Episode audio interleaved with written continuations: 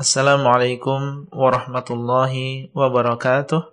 Alhamdulillah wassalatu wassalamu ala Rasulillah wa ala alihi wa sahbihi ajma'in.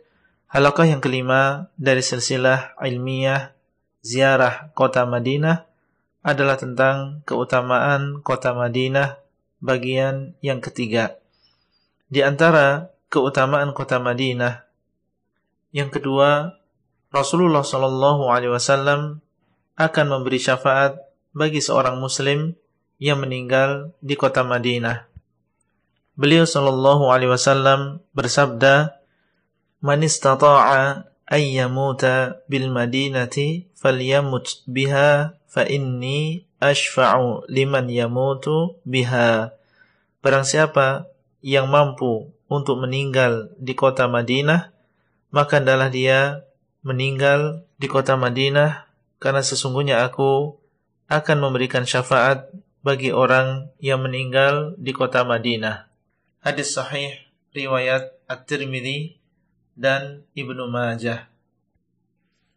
Di dalam hadis yang lain beliau bersabda, "Al-Madinatu khairul lahum law kanu ya'lamun la yad'uha ahadun raghbatan anha illa abdalallahu fiha man huwa khairun minhu wala yathbutu ahadun ala la'waiha wa jahdiha illa kuntu lahu syafi'an aw syahidan yaumal qiyamah.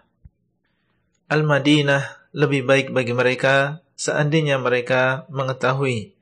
Tidaklah seseorang meninggalkan kota Al-Madinah karena benci terhadap kota ini kecuali Allah akan menggantinya dengan yang lebih baik dari orang tersebut. Dan tidaklah seseorang bersabar atas kesempitan rezeki di Madinah dan kesusahan di Madinah kecuali aku akan menjadi pemberi syafaat atau saksi baginya di hari kiamat.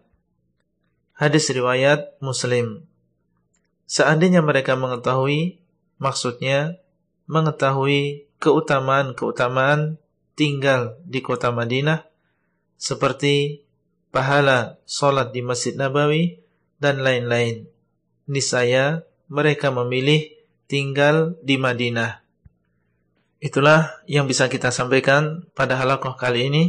Dan sampai bertemu kembali pada halakoh selanjutnya. Wassalamualaikum warahmatullahi wabarakatuh. Abdullah Rai di kota Al-Madinah. Materi audio ini disampaikan di dalam grup WA Halakoh Silsilah Ilmiah HSI Abdullah Rai.